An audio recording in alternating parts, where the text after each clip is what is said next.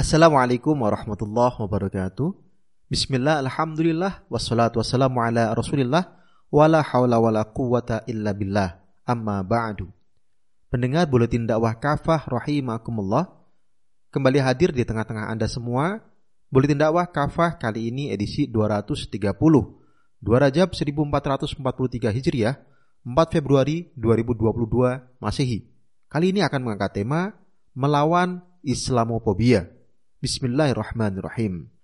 Banyak orang mulai sadar bahwa negeri ini tidak sedang baik-baik saja. Korupsi makin menjadi-jadi. Penguasaan lahan termasuk hutan dan sumber daya alam yang makin brutal oleh segelintir pemilik modal. Banyak BUMN yang bangkrut. Banyak proyek infrastruktur mangkrak atau terancam mangkrak. Infrastruktur yang sudah jadi pun ada yang tak berguna seperti Bandara Kertajati di Majalengka. Ada juga infrastruktur yang kemudian terpaksa dijual atau berencana dijual, seperti beberapa ruas jalan tol sebagaimana diwacanakan pemerintah. Persoalan lainnya, harga kebutuhan pokok masyarakat makin mahal. Yang terbaru, minyak goreng. Padahal negeri ini penghasil kelapa sawit terbesar di dunia. Utang luar negeri makin menumpuk hingga mencapai ribuan triliun rupiah. Di dunia usaha, banyak pengusaha skala kecil dan menengah yang terpuruk.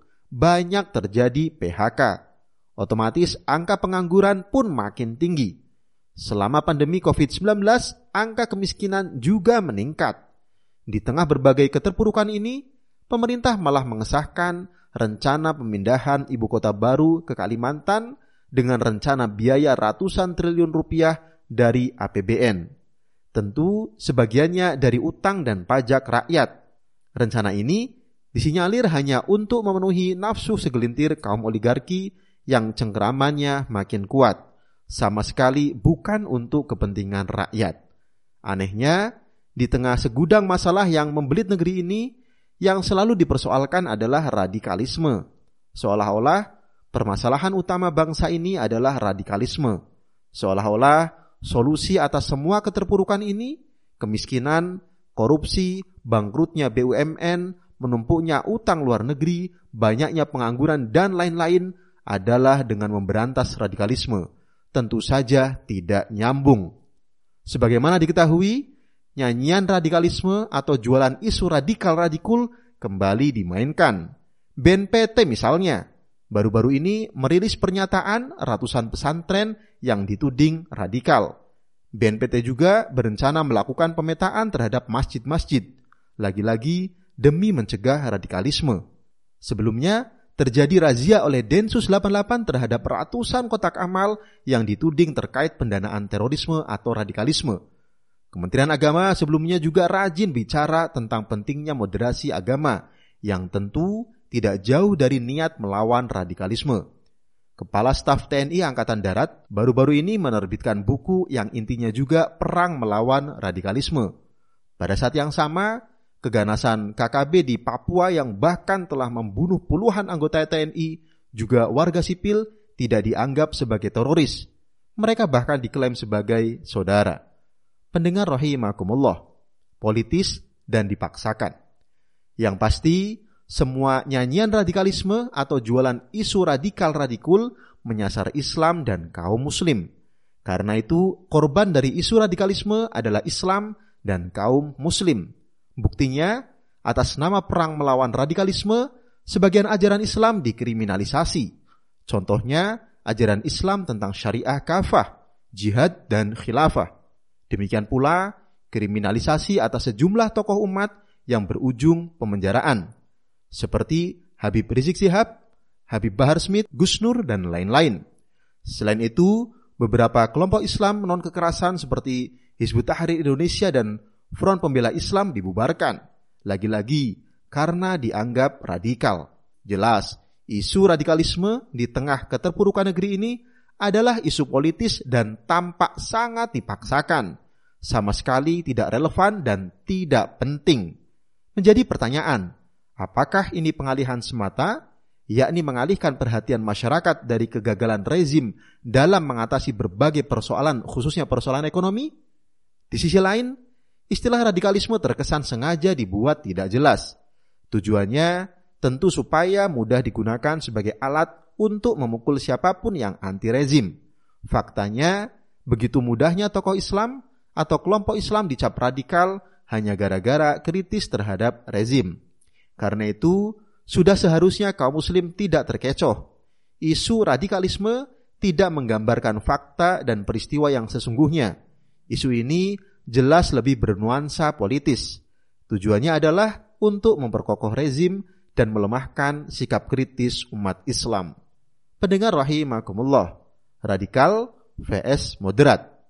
Dengan dalih untuk mencegah radikalisme, berbagai pihak kemudian mengkampanyekan moderasi agama. Moderasi agama secara garis besar adalah paham keagamaan yang moderat. Moderat sering dilawankan dengan radikal. Kedua istilah ini bukanlah istilah ilmiah, tetapi cenderung merupakan istilah politis. Kedua istilah ini memiliki maksud dan tujuan politik tertentu.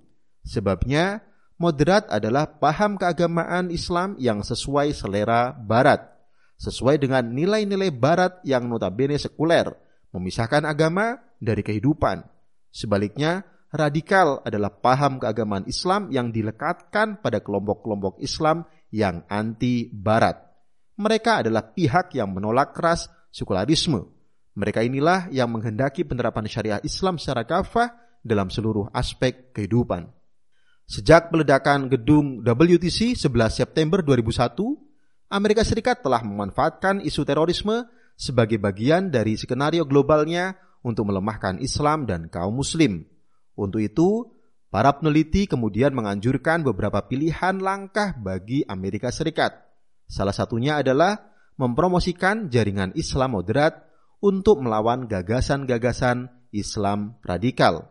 Lebih dari itu, dalam dokumen Rand Corporation tahun 2006 bertajuk Building Moderate Muslim Network disebutkan bahwa kemenangan Amerika Serikat yang tertinggi hanya bisa dicapai ketika ideologi Islam terus dicitra burukan di mata mayoritas penduduk di tempat tinggal mereka.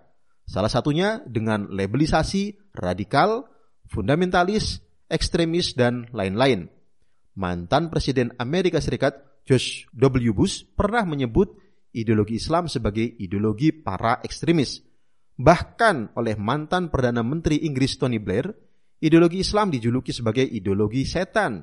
Hal itu ia nyatakan di dalam pidatonya pada konferensi kebijakan nasional Partai Buruh Inggris tahun 2005. Blair lalu menjelaskan ciri-ciri ideologi setan, yaitu yang pertama, menolak legitimasi Israel. Yang kedua, memiliki pemikiran bahwa syariah adalah dasar hukum Islam. Yang ketiga, kaum muslim harus menjadi satu kesatuan dalam naungan khilafah.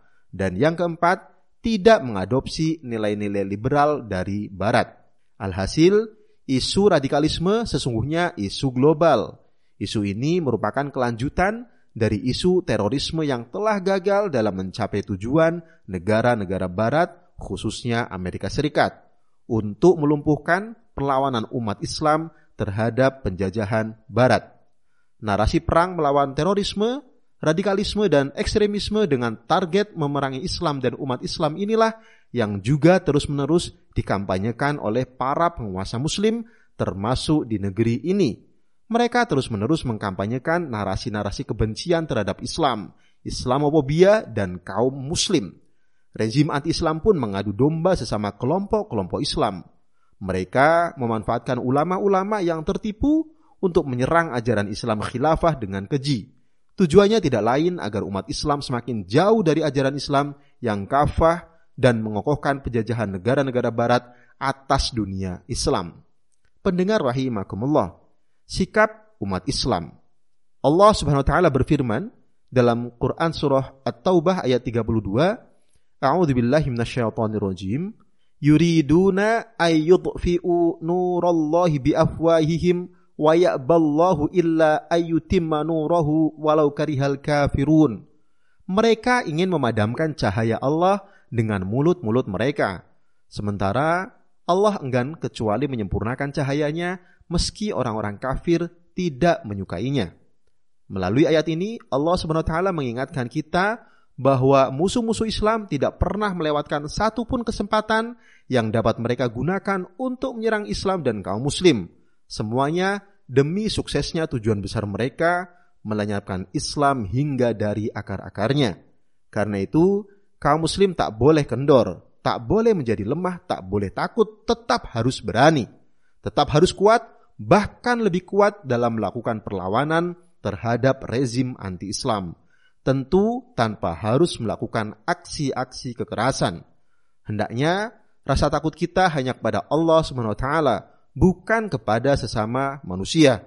Inilah yang mendorong generasi salafus soleh selalu lantang dan menyuarakan kebenaran dalam menentang para penguasa zalim. Contohnya adalah Syekh Abdul Qadir Jailani. Ia pernah berdiri di atas mimbar mengoreksi kebijakan Khalifah Al-Muqtafi. Padahal ketika itu banyak orang diam dibungkam rasa takutnya pada penguasa. Saat itu Khalifah Al-Muqtafi mengamanahkan jabatan peradilan kepada hakim yang zalim. Syekh Abdul Qadir Al-Jailani menyampaikan kritiknya secara terang-terangan di atas mimbar masjid ketika khalifah berada di hadapan sang ulama panutan. Walai al-muslimina adhlama zalimin wa ma jawabuka ghadan 'inda rabbil alamin. Engkau telah mengangkat seseorang untuk kaum muslim yang paling zalim di antara orang-orang zalim. Lantas apa jawabanmu esok hari di akhirat di hadapan Tuhan penguasa alam? Muhammad As-Sulabi dalam kitab Asy-Syaikh Abdul Qadir Jailani halaman 85. Itu semua ditegakkan tanpa gusar terhadap celaan orang-orang tercela, laumata laim. Sebagaimana terucap di masa kini di balik stigma negatif radikal dari mereka yang terpedaya dunia. Allah SWT berfirman dalam Quran surah Al-Maidah ayat 54, A'udzu minasyaitonir rajim. Bismillahirrahmanirrahim yujahiduna fi sabilillahi wa la yakhafuna laumata laim.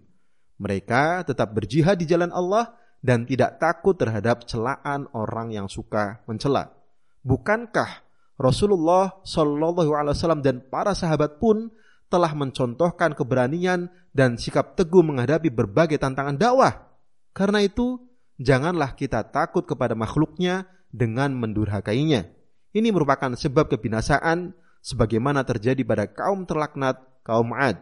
Bisa Anda lihat di Quran surah Hud ayat 59 sampai 60.